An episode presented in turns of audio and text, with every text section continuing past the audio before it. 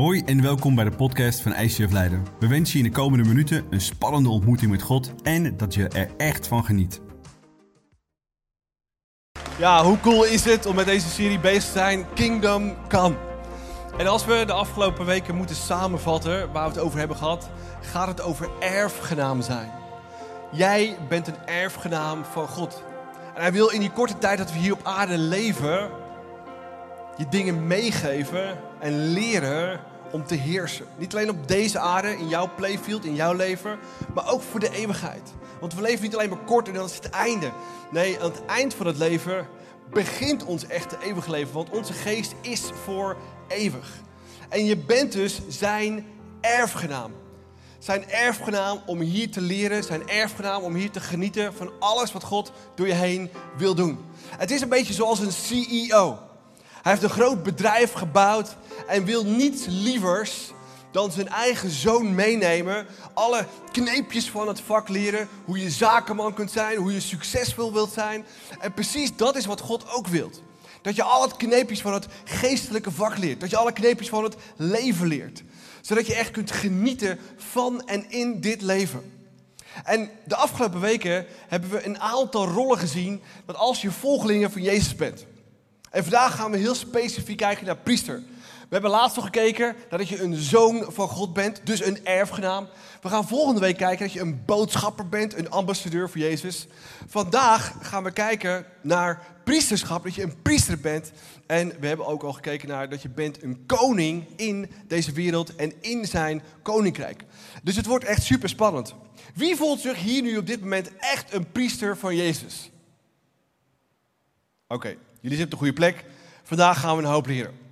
Ik neem je mee in een vers wat staat in 1 Petrus 2 vers 9. Mijn favoriete all-time verse. Komt-ie.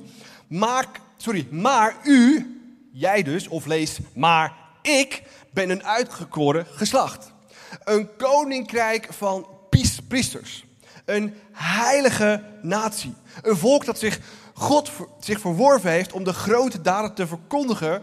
Gaan we het volgende keer over hebben, ambassadeur van hem die uit de duisternis heeft geroepen naar zijn wonderbaarlijke licht. Nou, je moet twee dingen omcirkelen, bedenken. Dat is koninkrijk, je leeft in zijn koninkrijk, en priester zijn. Op het moment dat je leven aan Jezus geeft en de Heilige Geest in je leven komt en jouw geest verzegeld is met Gods geest, dan ben je een priester.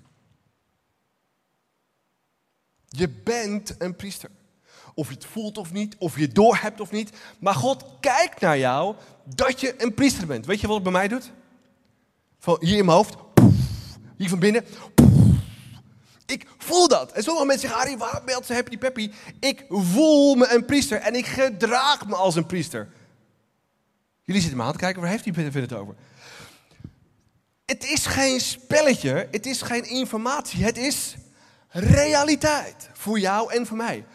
We gaan naar het volgende vers kijken. Er staat in openbaring het volgende. Aan hem, die ons heeft, die ons lief heeft en ons van onze zonde heeft bevrijd door zijn bloed, die een koninkrijk uit ons gevormd heeft en ons heeft gemaakt tot wat?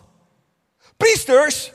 Oh yes, voor God, zijn vader, aan hem komt alle eer toe, de macht tot in eeuwigheid. Amen. Kun je nu al zeggen van, ik ben een priester? Amen. Oké, nou, je bent dus gekroond tot koning en priester van Jezus. En daar ook heel specifiek als priester in je leven mee om te gaan. Mijn vraag nog een keer is, voel je je een echte koning of voel je je een echte priester? En wat houdt jou nog tegen om een echte priester te weten, te voelen en naar te handelen? Nou, vaak is maar één barrière. Heeft alles met priesterschap te maken. Schuld en schaamte. Want als ik je vraag, uh, voel je een priester? Dan zeggen de meeste mensen, ja, maar weet je, ik ben nog niet goed genoeg, nog niet perfect genoeg. Wie praat jou dat aan? Ja, onze geestelijke vijand, de boze, Satan, Lucifer, hoe je het ook noemen wilt. Ja, ik ben nog niet zo ver, ik voel me nog niet zo ver, bla bla bla bla bla bla bla bla bla, zou mijn dochter zeggen. Weet je wat Jezus tegen je zegt? Ben ik voor je gestorven? Ja. Zijn je zonde vergeven? Ja. Is je schuld vergeven? Ja. Wat ben je? Priester. Woehoe! Oké. Dus we voelen onze priester, toch? Oké, jullie weten het, je voelen het niet. Eind van de wedstrijd voel je het, dan ga je echt helemaal los met z'n allen, toch? Oké, eind van de mes vraag nog een keer, zijn we priester? Zeg, woehoe, amazing. Oké, nou, laten we even kort kijken. Wat zijn de taken van een priester? Want als je een positie inneemt, dan horen daar ook praktische dingen bij. En het gaat hier niet om werk, want sommigen denken, oeh, moet ik nog meer werk doen? Nee, het gaat om je positie innemen. Een CEO. Je wil invloed in deze wereld en om je heen en in je eigen leven. En een van de taken van een priester is dat je tot een zegen bent. Wie is er gezegend? Sommige mensen twijfelen nog. Ik voel me gezegend en ik ben tot een zegen. Want God wil dat je gezegend bent en dat je tot een zegen bent voor andere mensen om jou heen. Nou, ik heb een slide meegenomen van onze hoofdtechniek. Uh, uh, applausje voor Stefan van Oevelen. Um, afgelopen week had ik een meeting met een volganger uit Den Haag vandaan. Die, vond, die vindt ons zo waanzinnig als kerk, wat we doen. En hij wilde ons pand zien. En hij zegt, oh guys, wat jullie met techniek doen hier. Wow, amazing. Ari, hoe heb je het allemaal doorgedacht? Dus je zei, denk je nou echt dat ik dat zelf doe? En wie dan? Ja, we hebben daar een heel team voor en de, de, Stefan is daar. Die gasten denken alles door. Weet je wat ik doordenk? Deze message. Ik wil jullie vanaf deze plek tot een zegen zijn. En Stefan is vanaf die plek tot een zegen. En God wil ook dat jullie allemaal tot een zegen zijn. Dingen doordenken in het koninkrijk van Jezus. Want daar heeft hij gaven en talent voor gegeven. En als je niet dagelijks bezig bent met het doordenken van Jezus koninkrijk, dan mis je echt iets. Want God wil dat je priester bent, dingen doordenkt en tot een zegen bent voor andere mensen. Je bent een priester, denk dingen door. Stefan, bedankt. We komen zo nog op je terug. Oké, okay, want tien jaar geleden, um, nou, veel langer heeft hij zijn leven in Jezus gegeven. En twaalf jaar geleden heeft hij besloten, ik ga deze kerk dienen met mijn gaven, mijn talenten. En Stefan is techniek. Ben je dan tot de zegen? Oké, dat zijn ook de grootste mensen die het meeste geld geven binnen deze kerk. Oké. Alright. Hoe kan je tot een zegen zijn? We hebben een hele lijst met Bijbelversen opgesteld. Morgen in Telegram kun je al die Bijbelversen, boom, kun je zo lezen. Zit je nog niet in het kanaal, zorg dat je daarin zit. Nou, wat doet een priester nog meer? In het Oude Testament, waar kon je priesters het beste vinden? Ja, precies, bij de tempel of in de woestijn, bij de tabernakel. En het was die taak van de priester om met schuld van mensen af te rekenen. Kwamen mensen naar de tabernakel, naar de tempel, met een vogel of met een stuk schaap of met een stuk rund. En dat werd de bedoeling om dat op te offeren. Voor wat? Als een leuke barbecue? Nee, als vergeving van zonde. Dus een priester, een taak van een priester is schulden met schulden afrekenen. En ja, God wil dat je dat in je eigen leven doet, maar God wil ook door jou heen werken, dat mensen door jou heen Jezus leren kennen. Kan jij met schulden van iemand afrekenen? Nee. Kan je net zoals een priester in het Oude Testament een tussenpersoon zijn? Om ze over Jezus te vertellen. Waar ze vergeving kunnen krijgen. Bij wie ze vergeving kunnen krijgen. Hoe ze vergeving krijgen. Wat ze daarvoor moeten doen. En God wil juist dat je die positie neemt als priester. Om af te rekenen met schuld. Als christenen, volgelingen van Jezus, moeten wij als geen ander, niet alleen op deze planeet, maar in dit universum, de beste zijn in het afrekenen van schuld. Waarom? Omdat we Jezus hebben. Hij stierf aan het kruis voor schulden af te rekenen. Dus als mensen om je heen dealen met schuld, met schaamte, met pijn, zijn dat nogal wat mensen om je heen? Bij mij wel. Wat moeten wij dan doen? Een priester zijn in hun leven. En ze wijzen niet naar ICF, niet naar Pastor Harry, niet naar Pastor, naar de ICF, maar naar Jezus.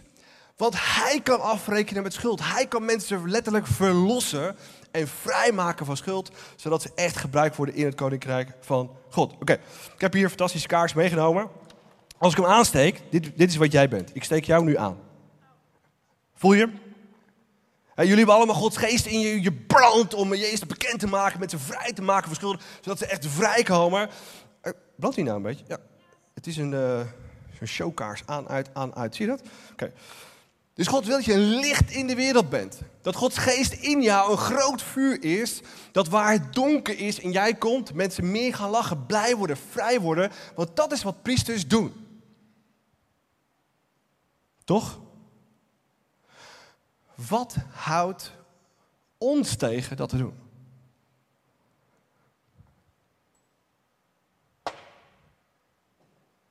Schuld. Want je mag misschien een volgeling van Jezus zijn. Betekent dat je dan geen fouten meer maakt? Tuurlijk wel. We maken elke dag misschien wel fouten. In je eigen leven, op je werk, naar je partner. En als we niet zelf afrekenen met schulden, gaat het licht in ons steeds meer uit. Wordt zwakker en zwakker en zwakker en zwakker. En ja, we weten wel dat Jezus er is. Ja, hij kan me helpen. Maar ja, dit was zo stom en dat was zo fout. Dit was, deze, dit was zo groot. We moeten dealen met schuld. Afrekenen. En misschien vind je het moeilijk om als volgeling van Jezus mensen te vergeven. misschien loop je met wrok. waar Esther net op doelde, als je kerk bouwt, dan word je als pastor ook of als leider heel vaak, heel vaak, heel vaak, heel vaak, heel vaak, heel vaak, heel vaak teleurgesteld. Wat moet je als beste leren als voorganger? Vergeven, loslaten, vergeven, loslaten, vergeven, loslaten. Gaat niet, daar houdt mijn ego niet zo van. Maar inmiddels heb ik mijn ego getraind Vergeven, loslaten. Vergeven, loslaten. Want ik hou van mensen. Mijn liefde in mij is groter dan wat mensen tegen mij zeggen, over mij roddelen of van mij zeggen. Het interesseert me niet meer. Weet je waarom niet? Don't shoot the messenger. Ik zeg alleen wat Jezus vindt wat ik moet doen. Dat is wat we moeten leren. Dat is wat we moeten doen. We moeten dealen met schuld. En misschien heb je een wrok ten opzichte van jezelf. Misschien heb je een wrok naar je partner. Misschien heb je een wrok naar je broer. Waar zit nog pijn, schaamte en schuld in je leven? Wat je tegenhoudt om een echt groot brandend licht te zijn in deze wereld. De boze Satan, onze geestelijke vijand, wil maar één ding. Is dat schuld in ons leven komt, het vuur uitgaat en we uitgeschakeld zijn. Het verhaal van Stefan gaat verder. Voordat hij Jezus leerde kennen, ging er een leven aan vooraf van afstoting van zijn moeder. Zijn moeder wilde hem niet. Zijn moeder heeft hem vergiftigd zelfs. Dat hij nog leeft is een, is, is een wonder. En als je dat soort dingen meemaakt in je leven, heb je alle redenen om op jezelf en op andere mensen ver van die mensen weg te blijven. En je leeft dan gevangen met een gat in je hart. En er is maar één iemand die zo'n gat in je hart kan vullen en dat is Jezus. Wat moet je daarvoor doen? Over die schuld, over die schaamte, over die pijn, over die, in dit geval, enorme wrok heen stappen. Nederig zijn. Jezus, ik heb u nodig. Ik wil uit deze gevangenis. Ik wil mijn moeder vergeven. En hij heeft zijn moeder vergeven, hij heeft zijn moeder gezien. En zelfs toen ze hem zag, hield ze nog steeds vol dat het allemaal niet gebeurd was. En dat is wat echte liefde doet liefde, Jezus liefde, is groter dan wat dan ook in ons leven. Dat is echte vrijheid. En dat is wat niet alleen Stefan moest leren. Applaus voor Stefan nogmaals. Dat is wat we allemaal moeten leren. Want dat is de echte vrijheid. Dat is echt een licht in het donker. Als je zoveel crap meemaakt, dat Jezus al die wrok, al die schaamte, al die pijn wegveegt. Je vrij bent om een zegen te zijn en een priester ook in je gezin. Met een waanzinnige vrouw, met waanzinnige kinderen, waar die eigenlijk niet eens zin in had als je zoveel wrok in je leven had. Corrie, wat moeten we doen om met echte zonde te dealen? Ja, wat we moeten doen is afrekenen met schuld. Maar waar zijn we nou toe geneigd? Nou, ik heb hier een briefje met schuld. En waar we toe zijn geneigd is om die schuld vast te houden.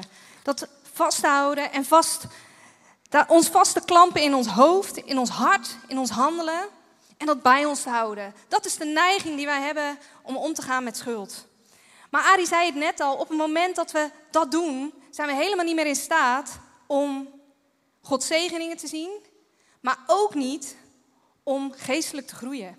En God zit vol met zegeningen voor ons, maar op het moment dat we vasthouden aan schuld, lukt het ons niet om die zegeningen te ontvangen. En dat ziet er zo uit, want God komt met zo'n waanzinnige zegening. En het is verpakt als een cadeau. En het, ja, het is super mooi en je wil het aanpakken, maar ja, hoe dan?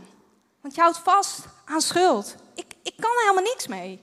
Of een volgend voorbeeld. Er komt een nieuw iemand de kerk binnen. En die nieuwe persoon, dat zou dus echt een, een potentiële levensveranderende vriendschap kunnen zijn. Maar jij zit nog zo vast aan die schuld, die boosheid die je hebt aan die andere vriendschap, dat je, ja, je ziet die persoon, maar ja, ook hier kan je eigenlijk helemaal niks mee. En dat is wat er gebeurt op het moment dat we vasthouden aan schuld. En Arie zei het net al, op het moment dat we priester willen zijn, als we onze roeping uit willen voeren als, als priester, dan zou het een basisvaardigheid van ons moeten zijn om te vergeven en los te laten van schuld. Want we kunnen die roeping niet uitvoeren op het moment dat we vastzitten. Als we onze handen niet kunnen gebruiken. Als we ons hoofd niet kunnen gebruiken. Als we ons niet laten opvoeden, waar we het vorige week over hebben gehad.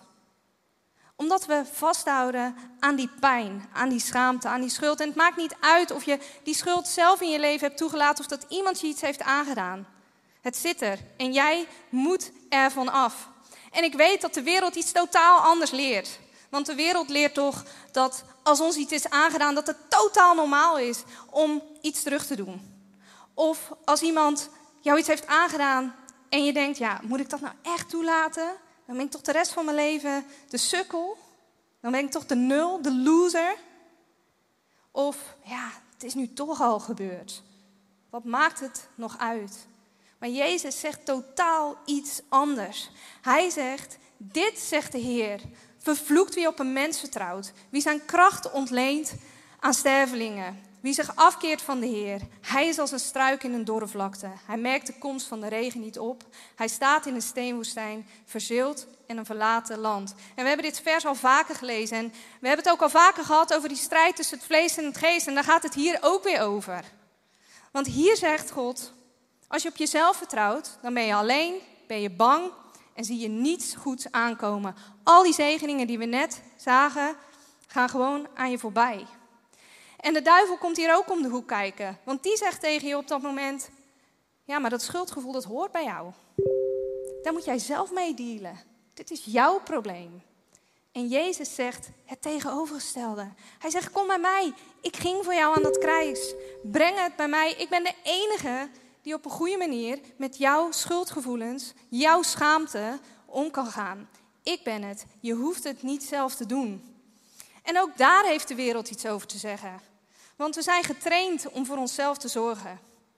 En dat zie je al als kinderen klein zijn, dat ze heel snel leren om voor zichzelf te zorgen. Ze willen het zelf doen. En wij willen het ook zelf doen. Maar Jezus zegt, dit is iets wat je niet zelf kan. Dit is iets waarvoor ik naar de aarde ben gekomen. Dit is waarvoor ik aan het kruis hing. En jij kan dit niet alleen, dus doe het ook niet alleen. En ik heb een paar handvaten voor je meegenomen op het moment dat dat moeilijk voor je is. Want het is moeilijk om los te laten van schuld. Het is iets wat we zelf niet kunnen. Het is iets wat alleen Jezus kan. En in Ezekiel staat: God doet het voor jou. Hij geeft je een nieuw hart. Hij geeft je de Heilige Geest die je leidt op dat pad naar het loslaten van schuld. En, op en onze rol daarin is, staat in Johannes, om daarin te geloven. Om daarop aan vast te houden. Om te staan op die belofte die Hij geeft. Dat Hij degene is geneest. Dat Hij degene is die vergeeft. En als je dat moeilijk vindt, spreek dan de volgende waarheid over jezelf uit. Die kan je lezen in, even spieken, Hebreeën. Daar staat Jezus, u bent de grondlegger en de voltooier van mijn geloof. En als je het niet, als je twijfelt aan jezelf, spreek deze waarheid dan over jezelf uit. U bent de grondlegger, u bent de voltooier. Verwacht het niet van jezelf. Maar er zijn ook mensen waarvan ik weet dat ze misschien wel helemaal niet willen vergeven. Dat ze zoiets hebben van, ja, weet je, ik vind het wel prima zo. Maar als je je bewust bent dat jij een van die personen bent, bid dan het volgende over jezelf uit. We het kunnen lezen in Filippenzen. En daar staat, Jezus, breng het willen van vergeving in mij teweeg. Maak het mogelijk in mij. Breng dat verlangen om de mensen om me heen te vergeven. En het is ook een opdracht die God ons geeft. Het is zo'n duidelijke opdracht die Jezus geeft dat we mensen om ons heen moeten vergeven. In Lucas staat: oordeel niet, dan zal er niet geoordeeld worden. Veroordeel niet, dan zal je niet veroordeeld worden. Vergeef en je zult vergeven worden. En deze opdracht is voor jou en voor mij. En als God ons een opdracht geeft, dan geeft Hij tegelijkertijd ook de voorziening dat we dit kunnen doen. God vraagt ons niet om de mensen om ons heen te vergeven, als Hij ons de oplossing al niet gegeven heeft. En de oplossing is Jezus. De oplossing is Jezus. En Jezus zegt: breng het bij mij. Maak een lijst van alle crap die je hebt meegemaakt. Alle schaamte die je met je meedraagt. En breng het bij mij. En we, kunnen, we moeten dus een aantal stappen door om echt los te komen van die schuld. En het eerste is dus, breng het bij God. Maak zo'n lijst. Klaag het aan. Klaag het aan wat je is gebeurd. Klaag het de situatie aan met alle emotie die je hebt, alle pijn die je hebt, alle boosheid die je hebt. Breng het bij God, want alleen God kan daarmee omgaan. God kent je gevoelens, God kent je gedachten, Hij kent je pijn. Voor Hem is niets verborgen, dus je hoeft ook niks verborgen voor Hem te houden. En alle emoties die je daarbij laat zien, het is oké. De enige emotie die niet oké is, is de emotie die je Hem niet laat zien. Want dat is de emotie die je bijhoudt, waar je Hem geen toegang in geeft. En het volgende wat we moeten doen als we het hebben aangeklaagd bij God, is een nieuw perspectief daarover vragen. Je hebt het aangeklaagd, je gaat op je knieën en vraagt: Jezus, geef mij een nieuw perspectief. En heel verrassend zal er tevoorschijn komen dat er schuld in het spel is. Van jezelf, van iemand anders. En vervolgens zegt hij opnieuw: geef het aan mij. Geef het aan mij. Je hoeft het niet zelf te doen. Je kan het niet zelf doen.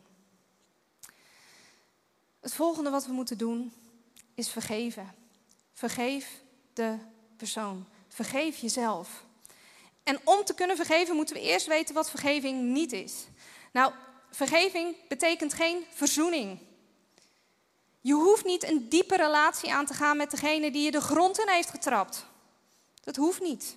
Je moet die persoon vergeven. Je hoeft niet opnieuw een diepe relatie aan te gaan met die persoon. Vergeving betekent ook niet dat je alles moet vergeten. Vergeving betekent ook niet dat je het opnieuw moet toelaten. Als je iemand heel veel geld hebt geleend, je hebt het nooit teruggekregen, je hebt die persoon vergeven en die komt vervolgens weer om heel veel geld, hoef je niet opnieuw heel veel geld te geven. En vergeving is zeker niet eerlijk. Dat zien we ook maar weer terug in het verhaal van Stefan. Verdienen zijn moeder het om vergeven te worden? Vanuit menselijk perspectief misschien niet. Vanuit goddelijk perspectief wel. En dan komen we dus, wat is vergeving dan wel?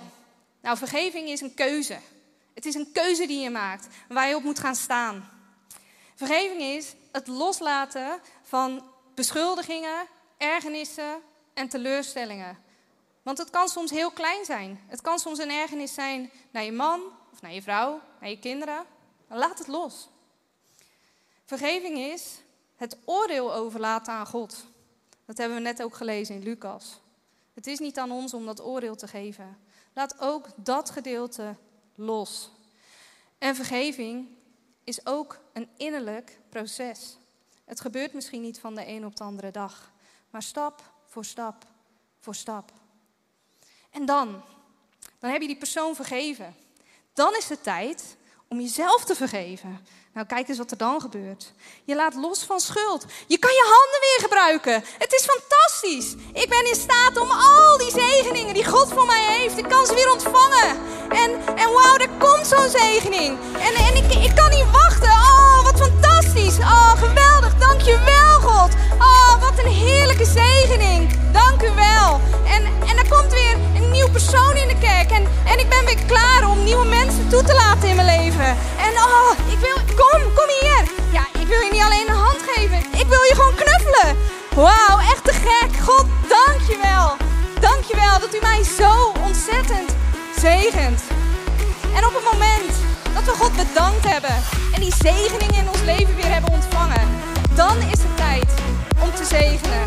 Dan is het tijd om in onze rol als priester te gaan staan. En die zegeningen die we zelf hebben ontvangen, door te geven aan de mensen om ons heen. Want we zijn gezegend om een zegen te zijn.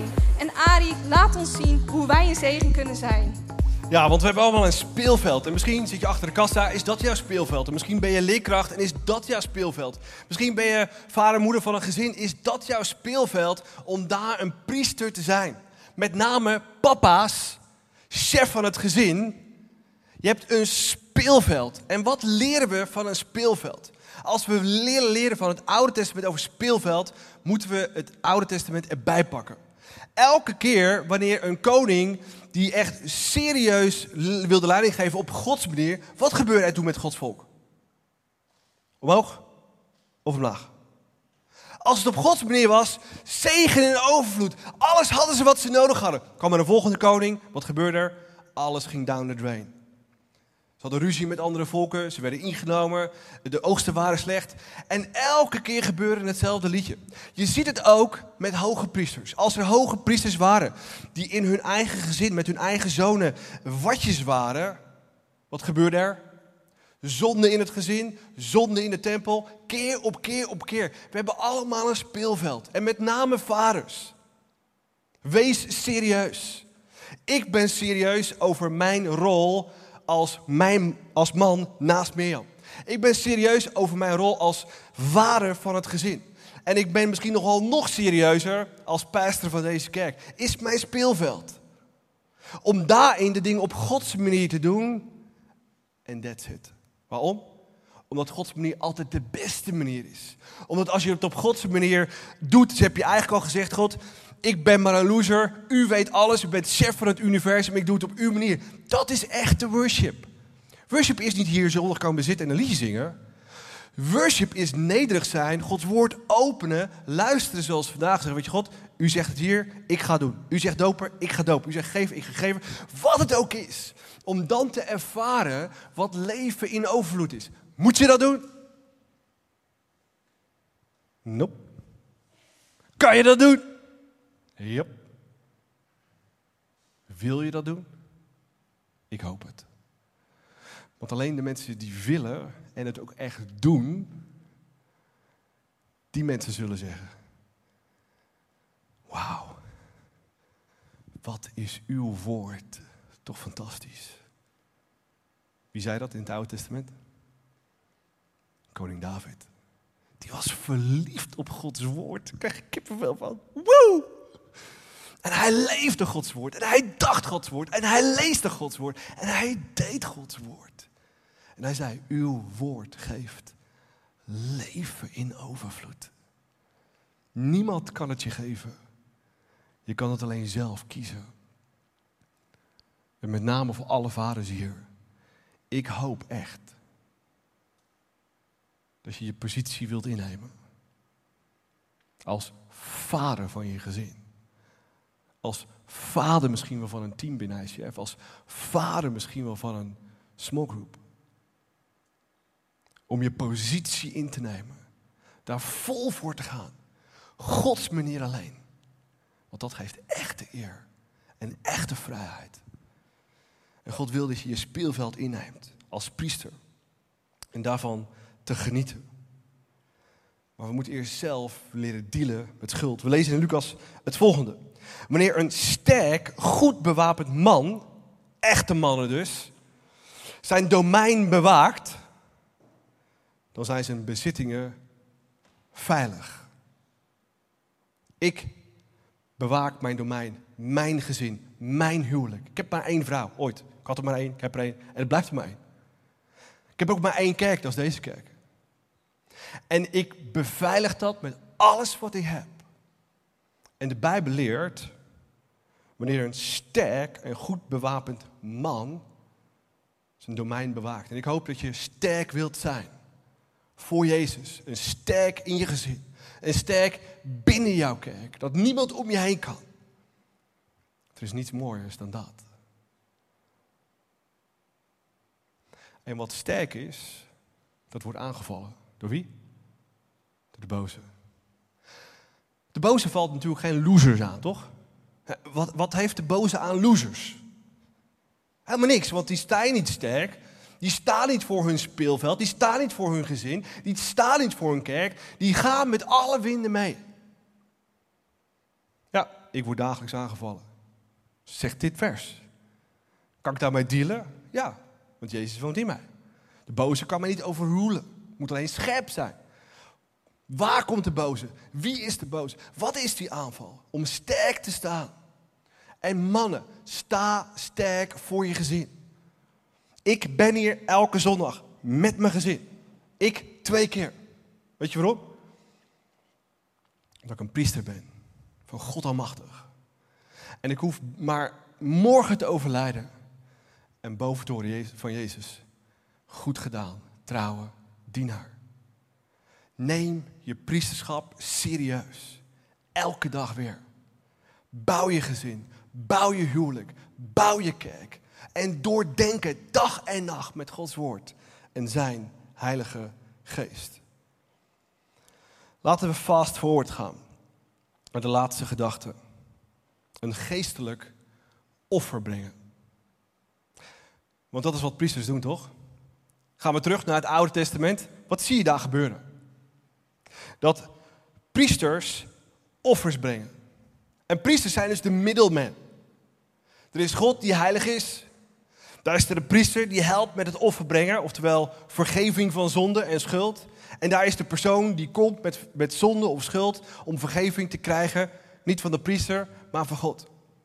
We lezen een bijzonder vers in Romeinen. Er staat het volgende. Ik zeg u daarom, vrienden, dat u zich helemaal aan God moet wijden. Helemaal is? Helemaal. Oei, echt helemaal? Ja, het zijn niet mijn woorden, het zijn Gods woorden. Te meer omdat hij u al zijn, liefdevolheid, zijn liefdevolle goedheid aanbiedt. Wat gaf Jezus? Een tiende, een kwart, de helft. Dacht hij, hak mijn arm af, hang dat maar aan het kruis. Nee, ging Jezus all in? Wat wil hij voor jou? All in? Oei, oei, oei, Ari, dit is een toffe message. Don't shoot the messenger. Laat uw lichaam een levend offer zijn. Hier zit het probleem. Want weet je wat we doen? Dan gooien we onszelf zo af en toe op het altaar. Als je zo'n topmessage bij gehad hebt. Yes, I go for it! En dan komt the going gets tough op maandagmorgen. En dan loopt dat levende offer weer van het altaar af. Ja, Jezus is wel heel tof hoor. Ik moet u dienen, ik moet van mijn vrouw houden, ik moet er vergeven, ik moet er weer vergeven, ik moet er weer vergeven, ik moet weer van haar, ik moet weer vergeven, ik moet weer... Jee, maar en dan kinderen nog, en dan mijn kerk nog, mijn smoken nog. Halleluja, en dan komt mijn werk nog. Kan die even? Ja, kan die even. All in. Dat is wat Jezus deed en dat is wat hij voor jou en voor mij ook verwacht. Laat uw lichaam dus een levend offer zijn, heilig, zodat het een vreugde voor God is. Dat is de beste manier waarop u God kunt dienen. En misschien probeer je nog steeds jezelf te verzorgen. Misschien probeer je nog steeds beter te leven om die schuld en die pijn die je zelf veroorzaakt hebt op te lossen. Misschien ben je nog steeds aan het vechten voor je eigen identiteit. Zelfverzorging. Maar waarom doen we dat als Jezus het voor ons al gedaan heeft? Hij heeft je de identiteit gegeven als priester. Je hebt Gods Heilige Geest, je hebt alle kracht van de wereld in je. Als je durft los te laten. Als je een levend offer durft te zijn.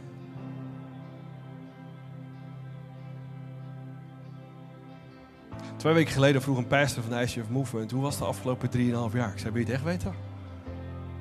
Toen kwam de volgende vraag. Heb je wel eens nagedacht over opgeven?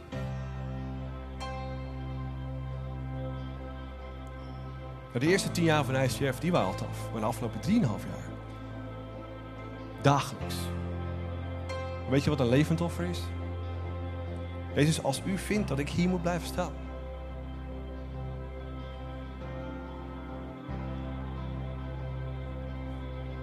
Dan sta ik hier. En als Jezus morgen zegt, het is klaar, dan is klaar. Maar als Jezus tot de rest van mijn leven zegt, dit is je plek. Wat is dan mijn plek? Dan is dit mijn plek. Dat is een levend offer. Arie, wat voel je erbij? Wil je het echt weten?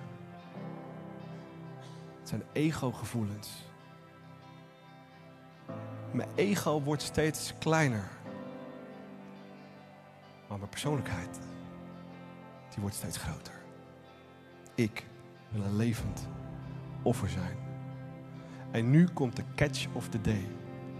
Arie, waarom ben jij en andere mensen bij ICF dan nog steeds zo on fire?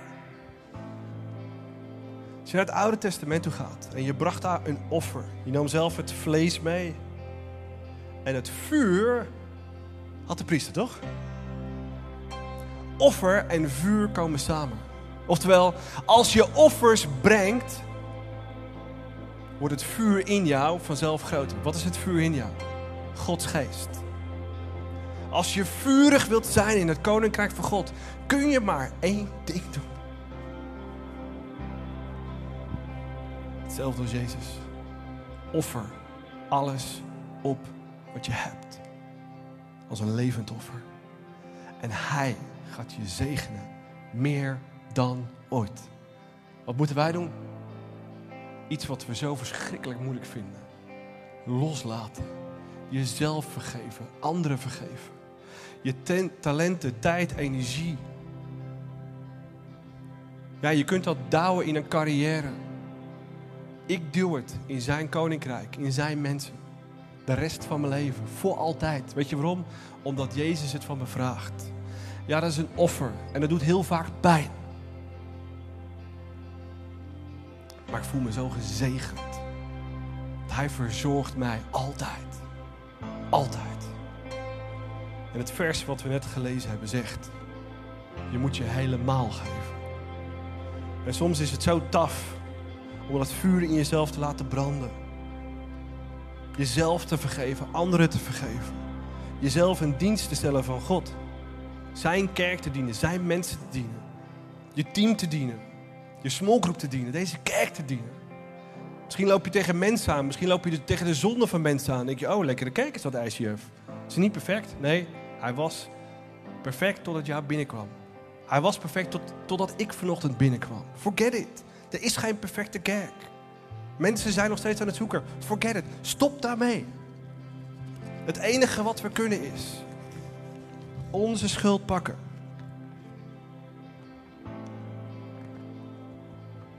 En misschien dat van je gezin. Misschien dat van je partner.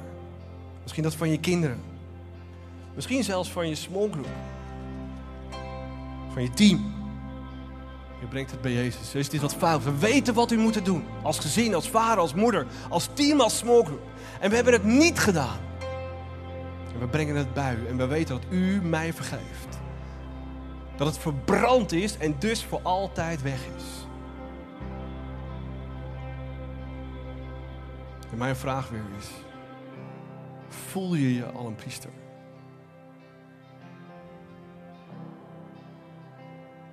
Misschien staat er nog steeds schuld tussen jou en God in. Misschien baal je van jezelf. Walg je van jezelf. Misschien walg je van je partner. Misschien je wrok tegen een vriend of vriendin. Misschien iemand uit je smokegroep. Wat staat er tussen jou en God in?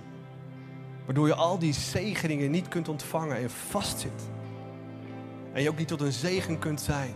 Wat houdt jou tegen?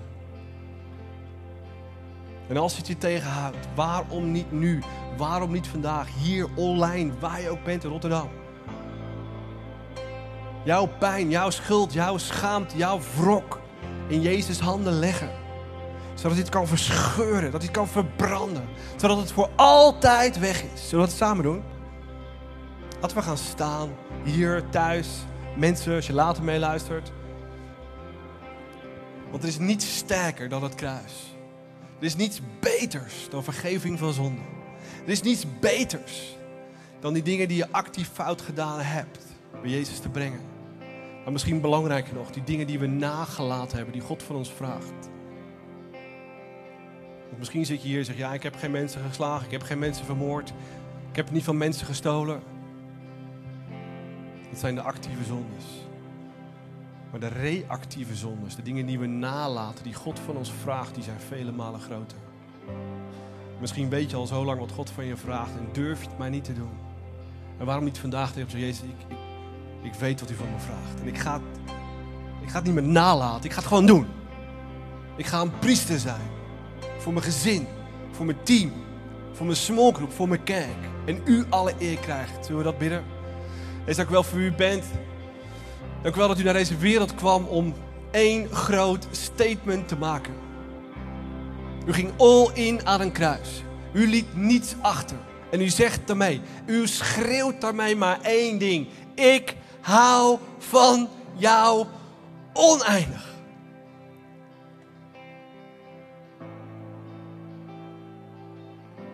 En dat raakt ons. En dat raakt mij. Want we weten zo vaak wat we zelf fout hebben gedaan. U kent onze pijn, u kent ons verdriet en u kent onze schuld en schaamte en wrok. En het liefst houden we daar zo hard aan vast. Maar missen we de grootste zegen in ons leven. Vrijheid, vergeving, genade, vriendschap. Maar boven alles een priester te zijn in uw koninkrijk. In ons gezin, in onze group, in ons team. Die dingen te doen die u van ons vraagt en ze niet na te laten. Stuk voor stuk. Belofte na belofte.